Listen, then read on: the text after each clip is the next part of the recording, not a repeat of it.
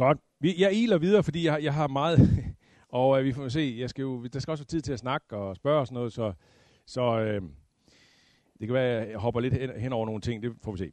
Men vi er kommet så langt som, at øh, vi nåede det med kors og opstandelse, og skal nu have sådan et andet kæmpestort omdrejningspunkt øh, sådan i den store frelseshistorie, og som vi altså også finder her i bøgerne, og det er det, der handler om øh, dommen. Og det finder vi jo helt naturligt selvfølgelig i den sidste bog, øh, hvor vi altså møder øh, Louis' øh, udfoldelse af, af Narnias undergang, de sidste tider faktisk, øh, som han beskriver som netop øh, egentlig meget, kunne man godt sige, i forlængelse af, eller med sådan en slags øh, undertone af det, som vi møder hos Jesus i øh, Matthæus, Markus og Lukas. Når han skildrer de sidste tider, så er det præcis det samme, vi møder her i det sidste slag. En vældig trængselstid, hvor egentlig meget få efterhånden øh, tror på Aslan og, og, og, og tror på de gamle historier, gamle myter og legender, og øh, hvor få også øh, holder med de rigtige, de ægte narnier. Og hvor det hele altså på den måde øh, ligesom trænger mere og mere sammen. Og det nærmer sig den store dom. Og øh, øh der er et sjovt lille mellemstil, det synes jeg altså lige skal have med, øh, hvor øh, der, i forbindelse med, at det gamle Narnia går under, øh, så, så græder Lucy, pigen Lucy. De er kommet tilbage, de her fire børn, som vi møder i de første bøger. De er også kommet tilbage nu. Og, øh, og så, så græder hun øh, over det her. Øh, skal vi se. Prøv ikke at stoppe mig, Peter, eller Peter, sagde Lucy. Jeg er sikker på, at Aslan ikke ville gøre det. Jeg er sikker på, at der ikke er noget forkert i at sørge over Narnia. Tænk på alt det, der ligger dødt og tilfrosset bag den dør, og så videre. Og så siger en, altså siger den nuværende Narnias konge Tyrion, så siger han, Eders majestæter, der er ikke noget forkert i at græde nu. Se, jeg gør det selv. Jeg har set min mor dø. Hvilke andre verdener har jeg nogensinde kendt ud over Narnia? Det ville ikke være nogen dyd, men en stor synd, hvis ikke vi sørgede. Og det synes jeg er et sjovt mellemspil, fordi det, det øh, fremhæver, det i virkeligheden er øh, en pointe også i hele den her bog, men også i øvrige dele af Louis' forfatterskab, og kæde det nuværende sammen med det kommende. Det er sådan set en understregning af, at den kommende verden, den kommende verdens skønhed, vil ikke være et kæmpestort brud med den nuværende skønhed, men vil i virkeligheden bare være en fordobling, eller en tidobling, eller en tusinddobling af den nuværende verdens skønhed. I øvrigt, jeg kan simpelthen ikke lide det være, I får det lige, Uh, Marilyn Robinson, Gilead, nogle af jer, der er med, helt fuldstændig vidunderlig bog, efter min mening, som, uh, som synes jeg, uh, formår at beskrive evigheden i tiden og tiden i evigheden på en helt vidunderlig måde. Uh, og hun siger sådan her et sted i bogen, når vi alle er blevet, det er jo sådan en gammel præst, der sidder og reflekterer lidt sammen med en god gammel anden ven der. Når vi alle er blevet iklædt uforgængeligheden, kan jeg ikke tro, at vi vil glemme vores vidunderlige dødelighed og midlertidighed. Denne store, lysende drøm om afling og henvisning, der jo betød alt for os. I evigheden vil denne verden være trøja, tror jeg. Og alt, hvad der er sket her, vil være universets store epos. En ballade, folk synger i gaderne. For jeg kan ikke forestille mig, at nogen anden verden ville kunne stille denne fuldstændig i skyggen. Og jeg tror, at min fromhed ville forbyde mig at forsøge. er det ikke skønt? Det er ikke sikkert, at man kan skrive under på alt i det. Men der er noget i det, som rammer lidt den samme pointe som hos Louis. Nemlig, at glæden over det nuværende liv er forbundet med glæden over det kommende og omvendt. Det hænger sammen. Det er skabelse til nyskabelse. Livet er ikke kun en jammerdal. Vi er ikke kun, vi, det er ikke kun pilgrimskristendom. Pilgrimskristendom kan faktisk have nogle pointer også, det skal man ikke overse. Men det er ikke, livet er ikke kun en jammerdal, som det gælder om som hurtigst muligt at komme forbi, og så nu skal vi over i det egentlige. Dommen og undergangen dømmer ikke alt det nuværende som elendighed.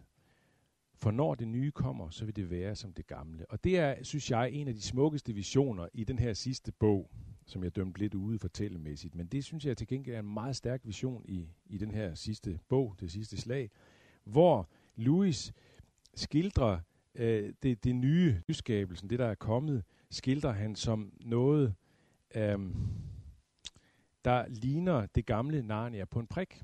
Man kan genkende, hov, der står jo det der gamle egetræ, og der er min sand, den høj der, og nøje, der er de der bjerge der, og så videre. Ikke? Men det er bare meget større, det er meget virkeligere, det er meget smukkere. Og det, der så sker, det er, at de så bevæger sig ind i den nye Narnia, og bevæger sig længere ind, dybere op, højere op, og så opdager de endnu et nyt Narnia. Og så min sanden kommer de helt frem til haven fra den første bog i den kronologiske rækkefølge, Troldmandens Nevø. Haven, som, som drengen og pigen var op i, som var faktisk et billede på paradisets have. Og nu kommer de frem til den igen, og der er jo en mur omkring den, og den ser jo sådan set lille ud. Da de træder ind i den, så viser det sig, at hele Narnia er derinde endnu større, endnu virkeligere, endnu smukkere, end det de kom fra. Så det er større indeni end udenpå. Og det gamle, det er kommet til originalen nu. Det gamle Narnia var mindre end originalen, som altid har været der. Det var kun en skygge eller en kopi. Nu skal I høre, hvordan uh, han slutter hele, alle de syv bøger, slutter han med følgende ord. For os er dette slutningen på alle historierne, og vi kan i sandhed sige, at de alle levede lykkeligt lige siden, men for dem var det kun begyndelsen på den virkelige historie. Hele deres liv i denne verden og alle deres eventyr i Narnia havde kun været omslaget og titelbladet. Nu var de om sider begyndt på første kapitel i den store bog, som ingen på jorden har læst, som bliver ved og ved, og i hvilken hvert nyt kapitel er bedre end det foregående. Ikke? Det er jo skønt.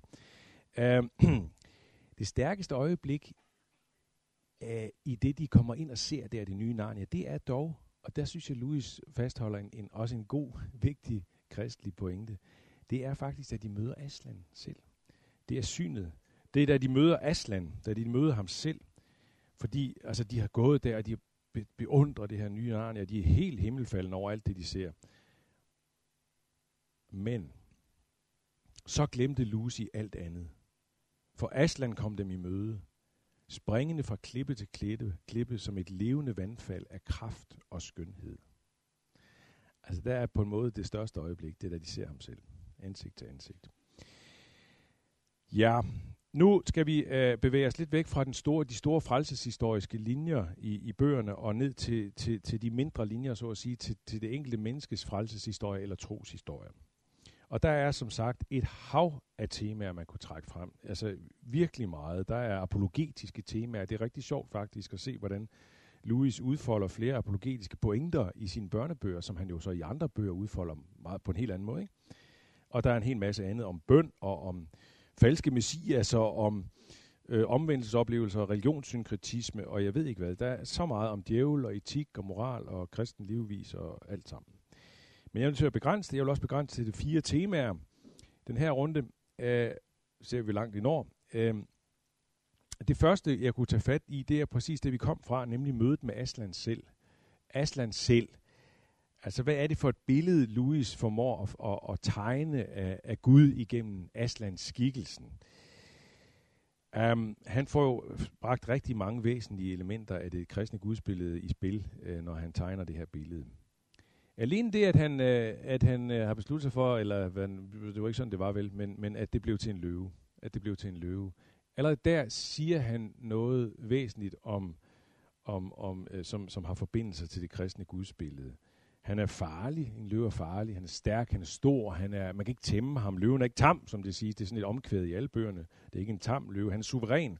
Eller som øh, herr Bæver siger i Løven, Heksen og Garderobeskabet, han kommer og går, den ene dag er han der, og den næste dag er han væk.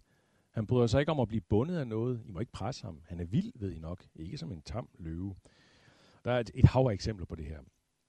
Og det der med vild, der er faktisk, øh, der er, der er simpelthen, øh, der, i en af bøgerne i hvert fald, er der sådan noget, der næsten kan give os mindelser om Gammeltestamentets er til vilde og mørke og næsten primitive, uforståelige, hemmelighedsfulde billede af Gud.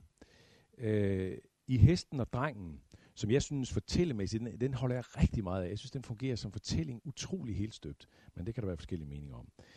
Øhm, den, den, der er der øh, et, en, en vældig fin passage, hvor en øjensynlig vild løve, som senere viser sig at være Aslan, jager afsted med, med historiens to børn, Shasta, drengen Shasta og pigen Aravis, som er på to heste, og de bliver jaget afsted i mørket. Og øjensynligt er der to løver, og det er, noget, det er meget kaotisk og vildt det hele.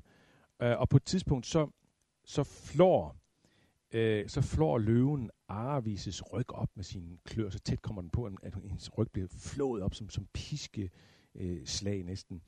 Og øh, det, det viser sig, at det er, en, det er en form for straf for noget, hun har gjort tidligere i historien. Ikke? Altså straffetanken ikke der.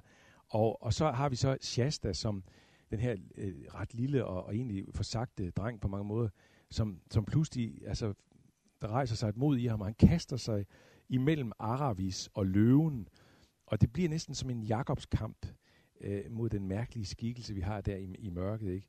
som om morgenen viser sig at være Herren selv på en eller anden mystisk måde.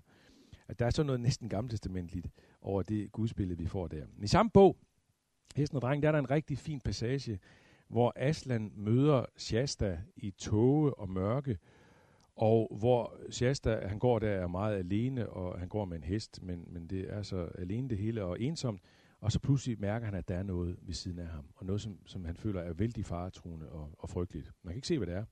Men der er altså et nærvær i mørket, som, som øh, gør ham hunderad. Men, øh, og så sker der noget der, fordi så begynder det her at tale til ham. Eller nej, vrøvl, han taler først. Han siger nemlig, hvem er du? Sagde han. Hans stemme var næppe mere end en visken. En, som længe har ventet på, at du skulle sige noget, sagde væsenet. Det stemme var ikke høj, men meget klangfuld og dyb. Er, er, er du en kæmpe? spurgte Shasta. Det kunne man godt kalde mig, sagde den bullerne stemme, men jeg ligner ikke de væsener, du normalt ville kalde kæmper. Jeg kan overhovedet ikke se dig, sagde Shasta, efter at have stiget meget indgående. Og så, hvor han var pludselig kommet på en uhyggelig tanke, sagde han næsten skrigende, du, du, du, er, ikke, du, du er ikke død, vel? Oh, vær så sød at forsvinde. Hvad har jeg nogensinde gjort dig? Åh, oh, jeg er det uheldigste menneske i verden. Igen mærkede han væsenets varme ånde mod sin hånd og sit ansigt. Mærk selv, sagde det. Det er ikke et genfærds åndedræt. Og så går det videre, og så, øh, øh, så spørger igen Shasta, hvem er du? spurgte Shasta. Mig, sagde stemmen dybt og rungende, så jorden skælvede, og igen, mig, højt og klart og mundret, og så tredje gang, mig. Sagt så stille, at man næsten ikke kunne høre det, og alligevel synes det at komme fra alle retninger, som om det var bladene, der viskede det.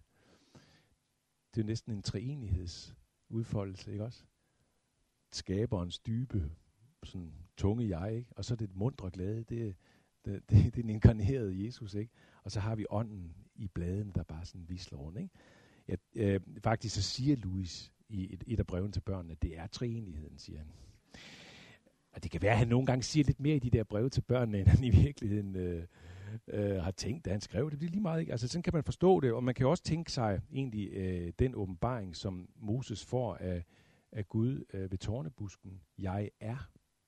Det er det navn, han giver sig selv her, ikke? Mig. Det er bare en variant af det, jeg er. Når man læser bøgerne, så, så, så vil sikkert de fleste opfatte Aslan-figuren som mest af alt en Kristus-figur. Men, men man kan også tit komme i tvivl, for man tænker, det er også, det er også Gud, Gud fader på en eller anden måde. Ikke? Altså, hvad har vi her, ikke, når vi snakker om det her med trinigheden? Hvad, hvad er det for noget? Og selvom der er nogle enkelte steder, det er ikke ret mange steder, men er nogle, nogle antydninger af en forskel på Aslan, og så en, der åbenbart øjensynlig er en højere autoritet, nemlig kejseren hinsides havet. Så her får man også en, en anelse om, om igen noget treenighedsagtigt. Øh, men, men vi fører aldrig noget videre til den der kejser, ikke engang i den sidste bog, så nok, som om Asl eller Louis selv har glemt den. Øh, eller også, øh, og, og på et tidspunkt øh, får vi også øh, Aslan øh, fremstillet som et lam. Som et lam. Han siger i et af brevene til børnene, det er selvfølgelig Kristus lammet, ikke også? Øh, så så der er sådan en, en i, i og for sig kan man sige næsten en træenigheds øh, øh, forbistring her, eller uklarhed. Men det er, er jo for det første, fordi det ikke er en algori, for det første, ikke også? Og for det andet, så er det jo vældig fint, at der er en uklarhed, fordi så er vi jo også på skriftens grund, når vi taler om trinhed. Undskyld, Asger, men ikke sandt? Øh, samtidig med, at løven ikke er tam, og den er frygtindgydende osv., så, så er den også rigtig mange steder i bøgerne dragende, smuk, glædesindgydende, munter, den indgyder mod og trøst og styrke og liv og lykke. Og det er der masser af eksempler på. Der er et smukt eksempel i Prins Caspian, hvor Aslan viser sig for børnene og, og dværgen Trumfe. Det er en helt egen historie i øvrigt, en egen troshistorie med dværgen Trumfe, som først slet ikke tror på de her gamle historier, og pjat med jer og Aslan, og hvad har vi hørt om, og det tror vi ikke på. Og så efterhånden kommer han jo også til at, at se Aslan, men det er en egen historie. Men, men på et tidspunkt bliver, øh, møder de Aslan midt om natten, og så vælger der et mylder frem af liv der midt om natten. Liv, som ellers har ligget i dvale i hundredvis af år, ligesom har været gemt og glemt. Uh, en dansende flok af dryader og træer og fagner og elver og talende dyr og alverdens mærkelige væsener. De danser i fryd for As- Aslands åsyn. En meget smukt og uh, vision der. Man har det næsten som, altså man ser David danse foran herrens ark, ikke sandt? Eller som en af kirkefædrene, der taler om treenighedens indbyrdes dans, og hvor i mennesket er indbudt til at danse med. Øh, så det, det er rigtig fint set, synes jeg. Så er der et andet tema, øh, som går igen i bøgerne rigtig meget også. Og det er et tema, som sådan cirkulerer omkring, hvad man med kristelige termer kunne kalde for omvendelse og syndserkendelse og sådan noget der. Øh, i, omtrent i hver eneste, jeg tror faktisk i hver eneste bog, er der noget, som drejer sig om det. Om synd, syndserkendelse, syndefald, og omvendelse og tro og sådan noget der. Enkelte steder kan man meget tydeligt se, vil jeg i hvert fald mene, øh, at, at noget, noget der, der ligner Louis' som er sådan en slags gennemspilning af Louis' egen omvendelsesoplevelse, hans egen modvillige omvendelsesoplevelse. Der er en hel del modvillige her, som bliver medvillige, som bliver, som bliver troende, så at sige, som kommer til at tro på Aslan, eller ser ham og skifter tro. Uh, Louis øh, har faktisk også øh, et sted i Prins Caspian et lille hint, tror jeg, til noget, som, som øh, virkelig handler om hans egen omvendelseshistorie, et moment i hans egen omvendelseshistorie. Vi har Prins Caspian, som, som er sådan en halvung øh, mand der, som øh, har en, en mentor, en lærer, halvdværgen Cornelius, som siger til ham på et tidspunkt, alle de myter, du har hørt om det gamle Narnia, er sande. Ikke? Og så er der nogle af Louis kender, der ved, at så er vi på Louis mark, så at sige. Fordi det handlede meget om myter også for ham, det med at blive kristen. Fordi han var meget optaget af myter, og, og var fascineret af myter, havde været det i overvis. Men havde altid anset den kristne myte for, selvfølgelig først for det første at være en myte, og for det andet at være meget uinteressant, rå og kedelig på mange måder, i forhold til alle de andre myter, vi har i religionerne, de gamle religioner. Uh, men hvor han så i blandet samtale med Tolkien bliver, bliver overbevist om, at den kristne myte er jo præcis myten, der er blevet virkelighed, i modsætning til alle de andre. Så Cornelius' ord til Caspian, alle de myter, du har hørt om det gamle Narnia, er sande. Uh, når, når nu det her med syndserkendelse, omvendelse og tilgivelse, erfaring af tilgivelse, er sådan et gennemgående tema, så kan man jo sige, at Louis uh, på den måde jo uh, får, får så at sige den evangeliske grundfortælling frem uh, i, i, i sine bøger, som jo handler om, at et menneske, så at sige dagligt, det er næsten en luthersk erfaring, ikke sandt, den daglige, eller en kristen erfaring, menneskelig erfaring, øh, at den daglige, den, at den daglige omvendelse af syndserkendelsen, omvendelsen og tilgivelsen, som er sådan en, en daglig erfaring i et kristen menneskes liv, så at sige. Så har han, så har han øh, øh, i, øh, ja, i morgenvandrerens rejse, der har han en, en rigtig fin øh, og meget udfoldet gennemspilning af det tema. Vi har den her dreng, Eustace, som optræder for første gang her, som er en rigtig irriterende lille dreng. En snot, øh, forkælet og utrolig træls øh, fyr, som irriterer alt og alle. Uh, og som, som ved et uheld er blevet, slæbt med ind i Narnia, og, og så synes, at alt er meget, meget dumt derinde, og, og, og, og ja, han er imod det hele. Så på et tidspunkt, så bliver han forvandlet til en drage. Det er en meget lang historie, hvordan det kommer til det. Men det bliver han altså forvandlet til. Og så bliver han på en måde det, han altid har været indvendig. Ikke? Og han finder ud af det. Ikke? Altså han, han bliver klar over, at han nu er blevet til en drage, og på en måde så er han pludselig kommet i en situation, hvor han kan udøve den magt, han hele tiden har forsøgt at udøve over for alle de andre, med sine ord, med sin irriterende adfærd. Men nu har han ikke lyst til det, for nu ser han, nu erkender han noget. Han ser, hvad han, hvad han har været hele tiden, nemlig et monster, et uhyre, en forfærdelig fyr. Og der vokser altså sådan en selverkendelse frem i ham der.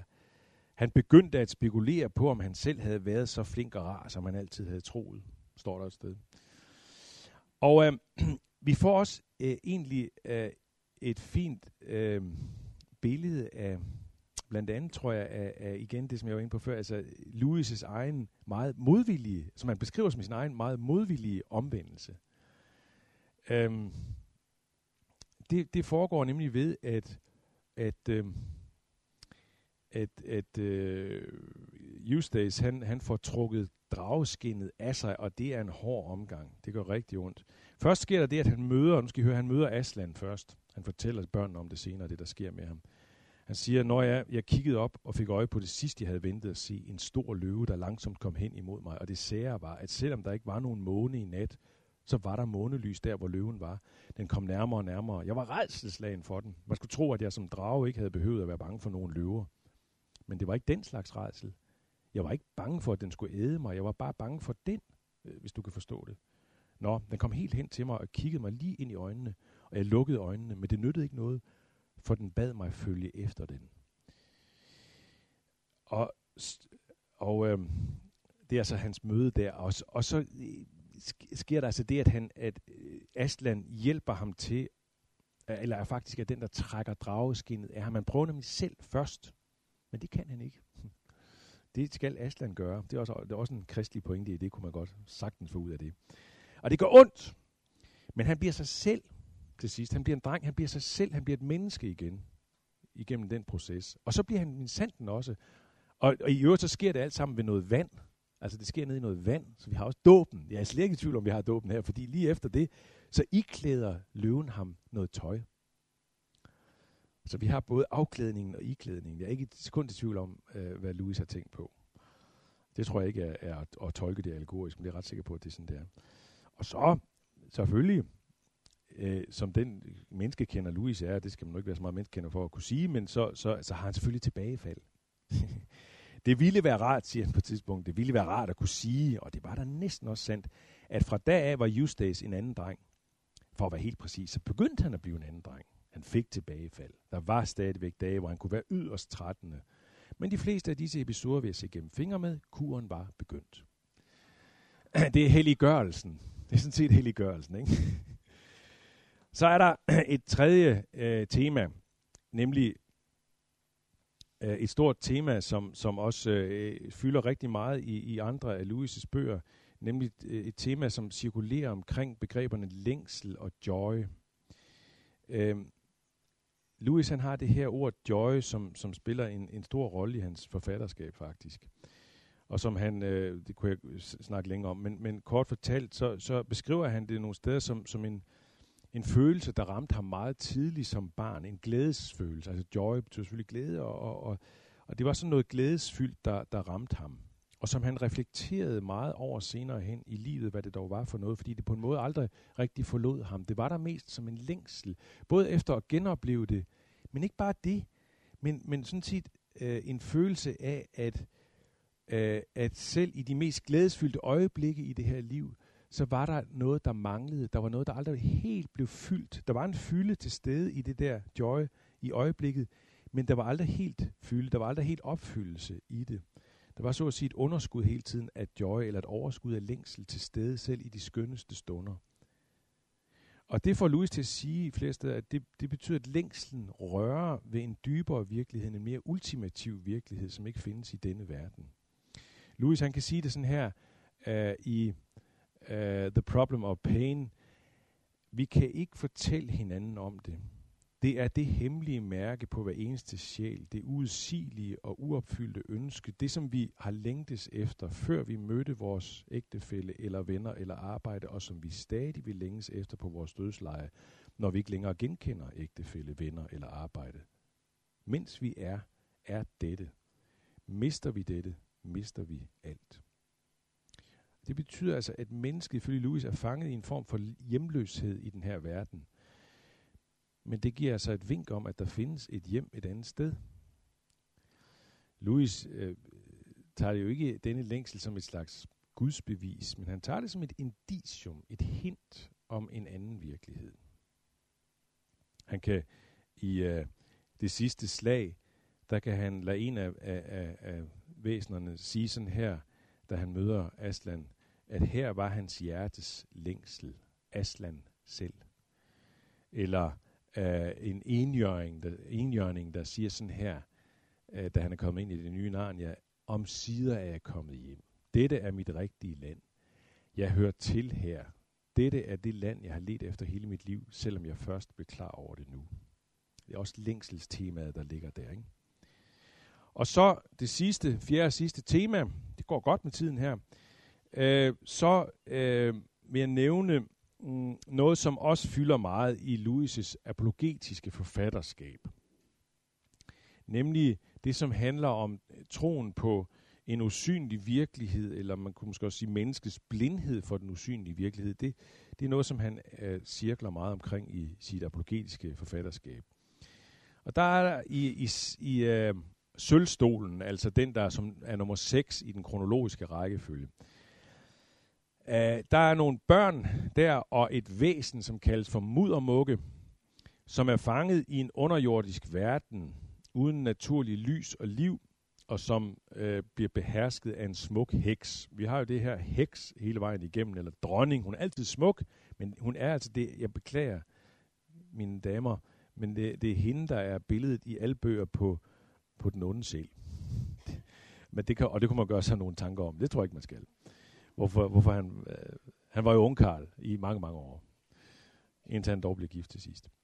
Nå, men øh, mm, der udspiller sig på et tidspunkt øh, en samtale mellem heksen og så de her tilfangetagende børn og muddermukke, hvor heksen sådan stykke for stykke får overbevist dem om, at deres forestillinger om en verden uden for den underjordiske verden, som de nu har befundet sig i et godt stykke tid, og der er jo ret dunkelt og mørkt, og der er jo kun sådan nogle lamper der, der lyser lidt, og sådan som det er her nu.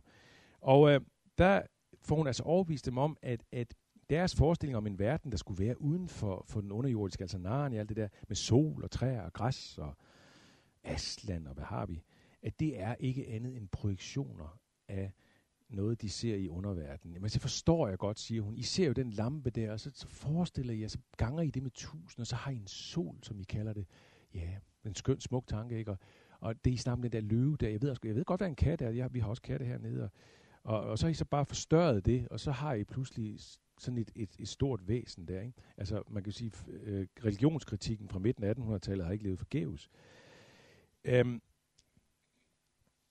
og så er det, at Muddermukke, en lidt sjov skabning, han med sådan en sidste, at de bliver fortryllet af hendes ord, og også noget øh, giftig øh, røghalløjsa, som hun har der. Øh, så de er sådan fanget helt ind der i hendes øh, tryllering. Men så det her sjove væsen, Muddermukke, han, han med sådan en sidste kraftanstrengelse, så, så bryder han fortryllelsen ved at, at, at udbryde følgende. Lad os så sige, at alle disse ting, træer, græs, og, og, og sol og måne og stjerner og Aslan kun er noget, vi har drømt. Lad os gå ud fra det. Så kan jeg kun sige, at hvis det er rigtigt, så virker de opdigtede, opdigtede ting en hel del bedre end de virkelige. Lad os forestille os, at dette sorte hul, at kongerige virkelig er den eneste verden. Tja, det forekommer at være en temmelig sølle verden, og det er egentlig sjovt, når man tænker over det. Hvis I er ret, at vi kun nogle børn, der fantaserer, men vi fire lejende børn kan lave en opdigtet verden, som er tusind gange bedre end jeres virkelige verden.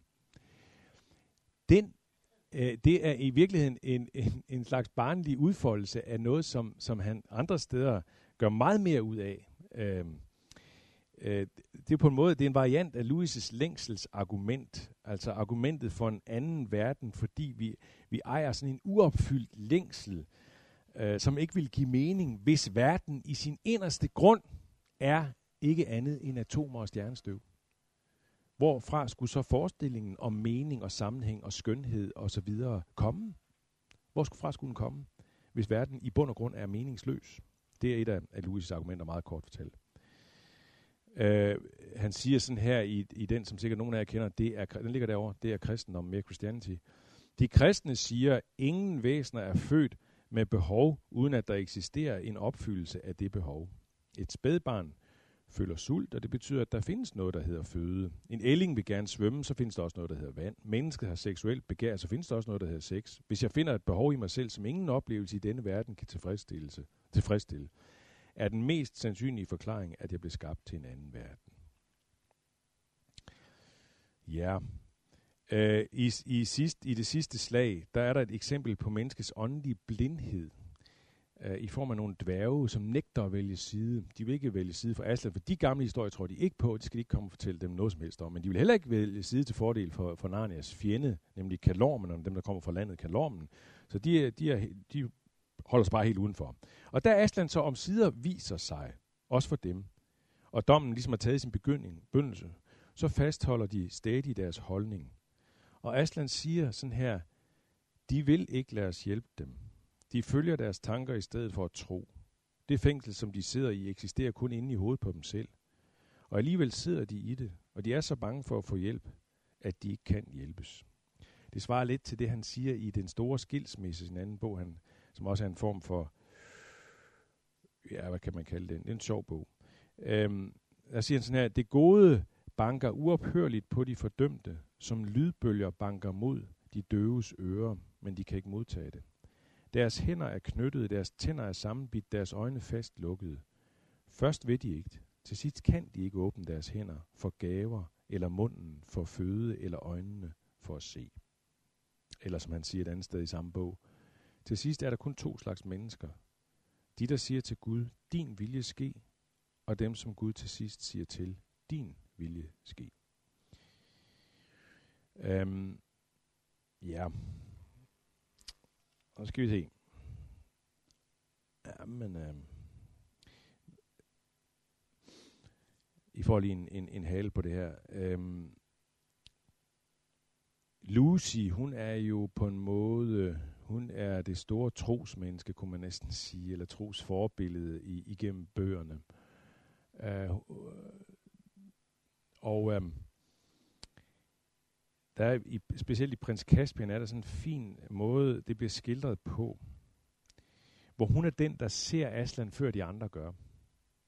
Han, han kommer, han viser sig, men, men hun, kun hun kan se ham, og de tror ikke rigtig på det, og de vil ikke rigtig følge hendes, øh, hendes ordre via Aslan, det som Aslan siger, hun skal sige til dem og sådan. Det er sådan en fin lille mellemspil, hvor, hvor, hvor også hun afkræves mere trosmod end det, hun har. Altså, hvor, hvor Aslan faktisk bebrejder, at hun ikke gjorde et stærkere forsøg på at få sine søskende med, end hun gjorde. Hun synes, hun har gjort alt, og hun troede der på ham, hun så jo ham, og hun vil gerne følge ham osv. Men han bebrejder hende, at hun ikke øh, gjorde noget mere ud af det. Og øh, da de så, så ender det med, at hun så alligevel får rusket liv i dem, de ligger og sover tungt osv., og, og hun får rusket liv i dem, og får endelig overbevist om, at nu skal de følge med hende. Og der må de så gå alene på hendes ord, for de kan ikke se Aslan, hun kan se ham. Men de må altså gå på hendes ord. Der er sådan et fint tema også i det, at tro på ordet uden at se. Ja, jeg skal til at slut. Øh, jeg tror, at det skulle gerne være blevet vældig klart, øh, øh, hvad Louis underliggende skjulte dagsorden er med bøgerne, eller i hvert fald en del af det.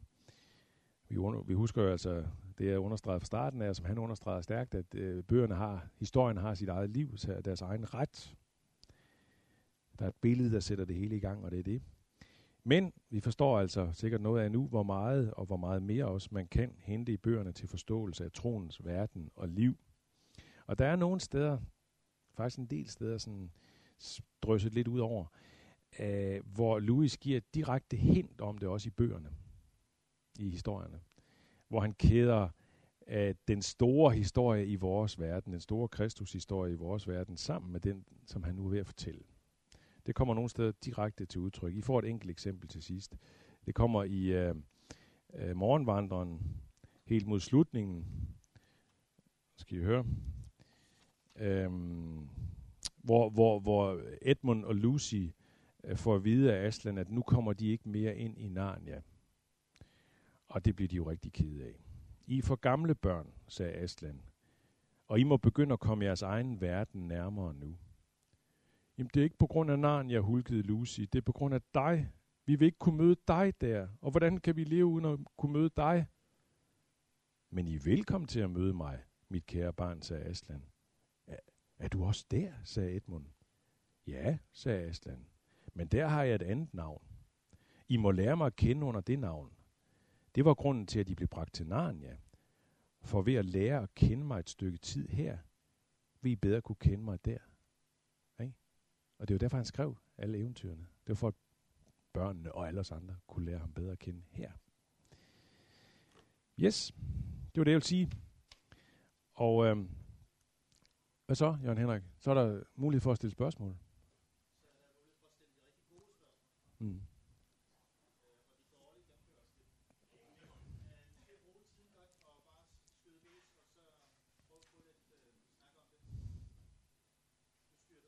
Ja. Det er fint. Frisk. Kom frisk. Ja, det gør jeg. Ja, Ingeborg.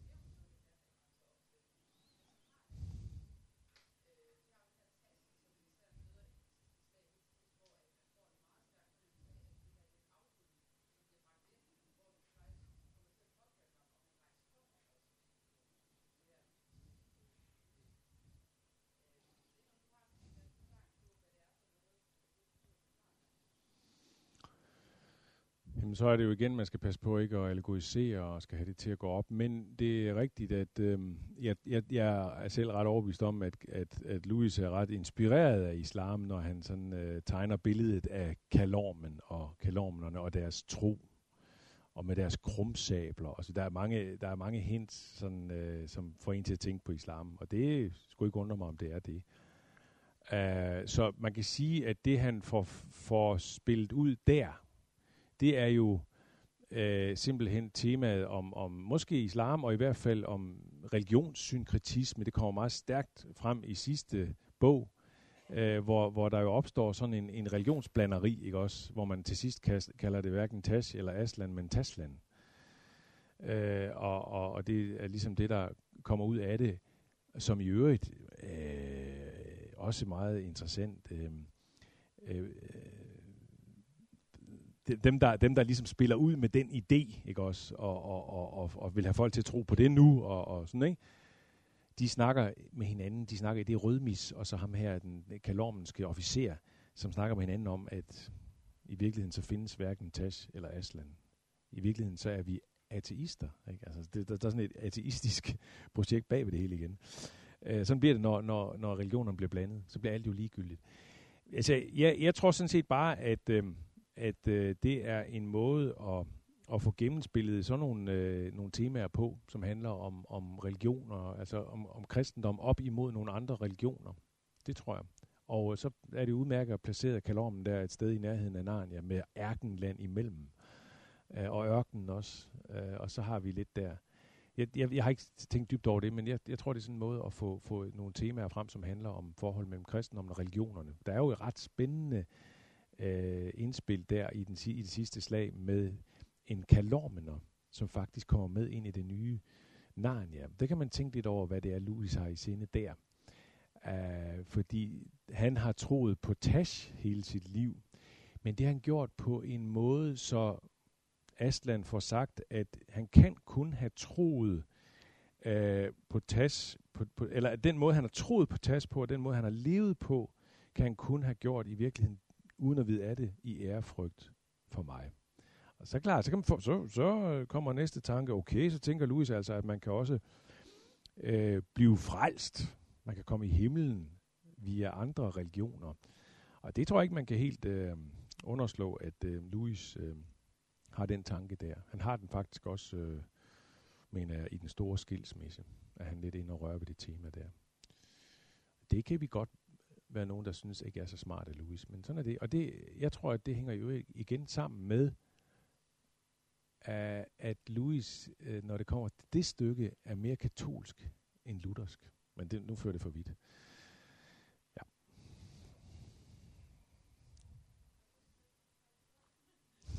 Nej.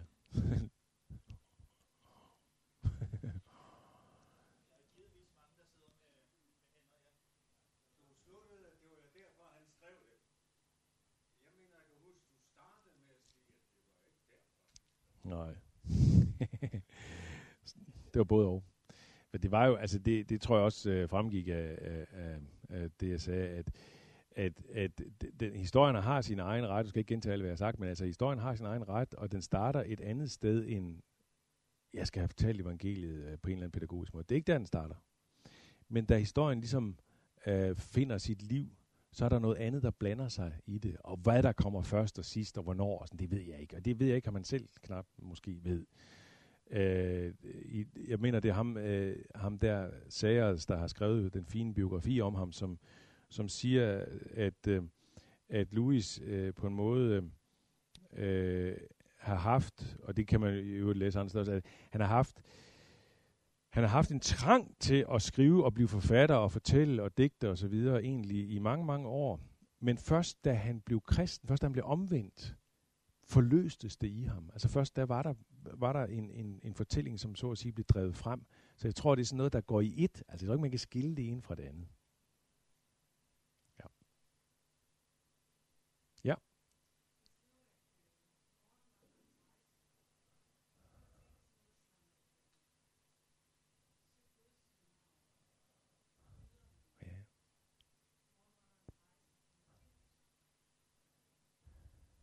Det var en sjov tanke. Ja, øh, spørgsmålet er, når man tænker på morgenvandrerens rejse, og hvis man så, hvad, hvad, hun spørger så, hvad, hvad, øhm, når man tænker på de syv dødssynder og de syv dyder, om det kan på en eller anden måde, ja. Prøv lige at sige noget mere, fordi det, det, den har jeg ikke øh, haft. Ja. Ja, det er rigtigt. Ja. Ja. Ja. Ja, præcis. Syv, syv herreture. Ja, ja. Ja, ja, ja, ja, ja. Det er der garanteret. Det.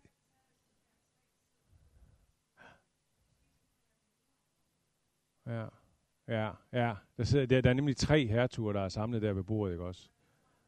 Ja, nemlig, nemlig. Det kan man godt tænke nu. Jamen, nu har jeg skrevet 200 sider, nu, nu stopper det. Ja, ja, ja. Rigtig god tanke. Rigtig god tanke. Og det, man, man kan sige, at, at, at, at, at der, du har, altså, der, er, en, der er en, også en fristelse, der er flere, men der er også en fristelseshistorie der, som handler om spejlet der, eller, eller som, handler, nej, som handler om bogen. Som handler om bogen, ikke også? Hvor Lucy kommer op i et mærkeligt gammelt hus, troldmandens hus, på en af de her øer, som de rejser ud til, for at finde syv hertuger, som er forsvundet fra Narnia. Og så, så kommer hun op i et gammelt hus, hvor hun skal op og bryde en, en trolddom, en forbandelse, der er lagt over nogle væsener, som er usynlige på den her ø. Og så kommer hun op og finder den her bog, Troldmandens bog, hvor der står sådan nogle formularer i. Og, øh, og så, så kommer hun hen til et sted, hvor, hvor, så, hvor der står noget med, at hvis du læser det, der står her, så vil du kunne øh, vide alt om, hvad andre tænker om dig. Nej, så spændende, ikke også? Nej, først er der en, hvor hun, hvor hun, kan, hvor hun kan blive den smukkeste kvinde i hele verden, eller sådan noget. Nemlig. Men den, den, den, og der får hun lige sådan en anelse om, hvad det kunne blive, og så får hun, ej, det går ikke. Så bladrer hun videre der, ikke? så kommer hun hen til noget, og så tænker hun, ej, det kan jeg godt lige tage den. Og det er den der, hvor hun får at vide, hvad andre tænker om hende, og så er hun pludselig tilbage i sin egen verden derhjemme i London, eller hvor det er, og hvor hun pludselig er hos to veninder, som sidder og snakker om hende, og sidder og bagtaler hende, og hendes bedste veninde er en af dem, og hun bliver så ked af det, hun kommer aldrig rigtig over det. Og det er jo en historie om, hvad, hvad fristelsen gør, fristelsens natur, og, og, og, og når vi falder i det, og hvordan det på en måde kan øh, følge os resten. Det, det, altså, på den måde er der, er der mange, øh, øh mange af de her, altså meget af fristelsens psykologi er også med i de her bøger. Det, som han beskriver helt fantastisk i Fra Helvedes Blækhus, det findes altså også drysset ud over børnebøgerne. Men jeg synes, tanken der om, om de syv dødssynder er rigtig spændende. Jeg har ikke lige set det. Ja, Bol.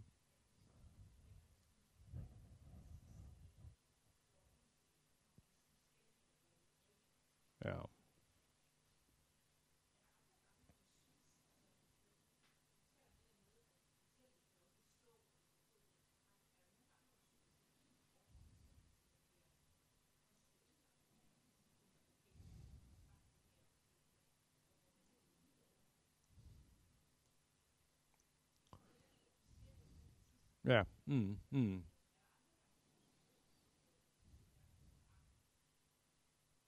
Nej, det synes jeg egentlig ikke. Det, kan, det er smag og behag. Jeg synes det ikke. Uh, jeg synes det er lidt i den sidste, måske. Det, det er også svært, ikke? Han skal have, han skal have puslespillet til at gå op nu. Nu skal sidste brækker lægges. Det, så er det altså virkelig svært, tror jeg, at undgå. Og der er han også blevet uhyre bevidst om, hvad det er, han har gang i. Det, det skriver han sådan set selv. Ellers synes, synes, synes jeg det ikke. Der, er no, der, der kan jo, det, er, det, er, det er jo smag og behag. Altså, men, men, men der er jo nogle fortællinger, man holder mere end andre. Jeg holder mere end andre, og I andre vil have en anden oplevelse. Og, og der er nogle steder, Tolkien var jo ikke så tilfreds med hans bøger der. Måske var han ikke så tilfreds med det hele taget, han skrev sådan børnebøger. Det, det ved jeg ikke. Tolkien gjorde det på en måde selv. Jo. Han startede i hvert fald ud med det, med Hobbiten, ikke også? Som han så senere måske gjorde en smule mere voksen og sådan. Men, men øh, men han, uh, Tolkien synes, at Louis blander tingene for meget. Så skulle han have læst Harry Potter, så ville han jo simpelthen have vendt sig i graven. Men, øh, men han synes for eksempel det, at han blander julemanden ind i løven, heksen og garderobeskab, det er virkelig kikset, siger Tolkien. Og det er lige før, at jeg vil give ham ret i det. Det synes faktisk er et kiks, et fortællemæssigt kiks. Og sådan kan der være nogle ting, man sådan kan synes, nå, men hallo, gør det bedre selv. Altså. Men altså, jeg tænker, ikke, jeg tænker ikke det der, som du spørger om der. Det, det har jeg ikke tænkt på.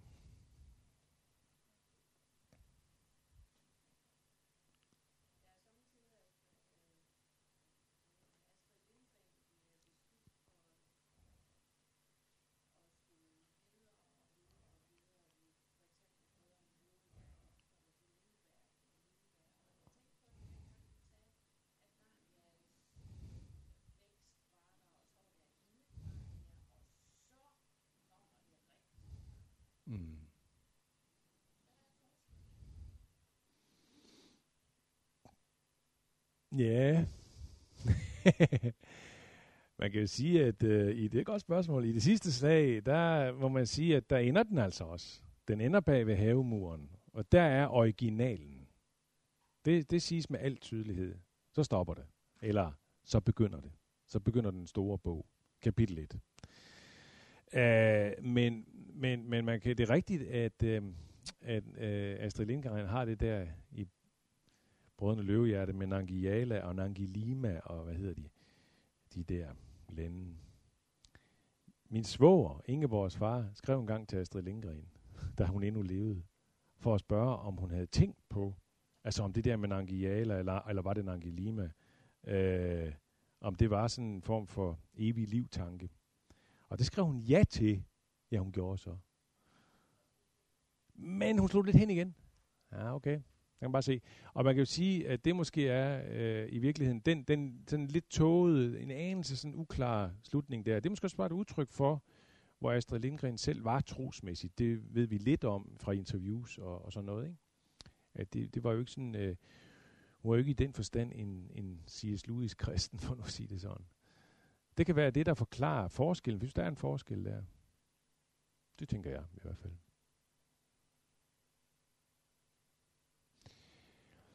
Nå, folkens, er vi ved at være trætte? Eller way? Esper?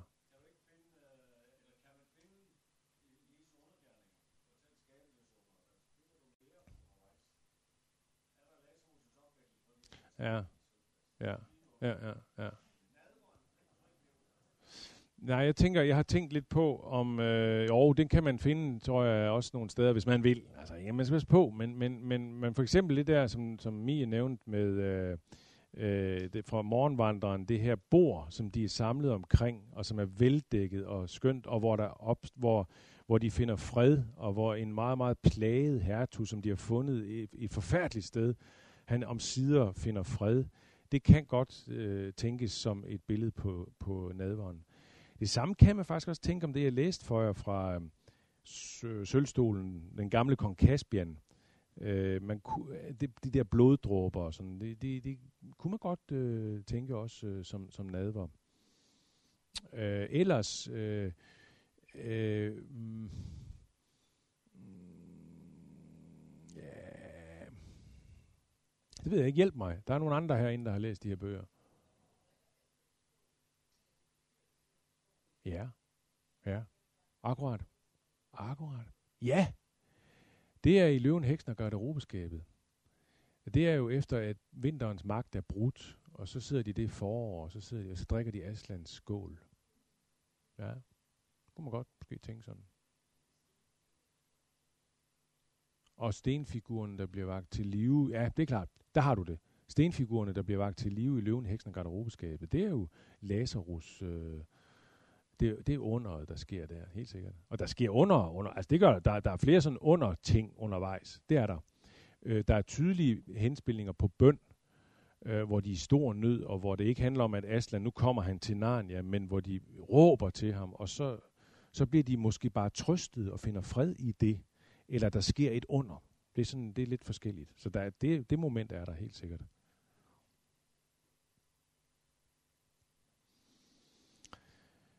Nå, nu, nu kan, det var narniologien. Okay, den.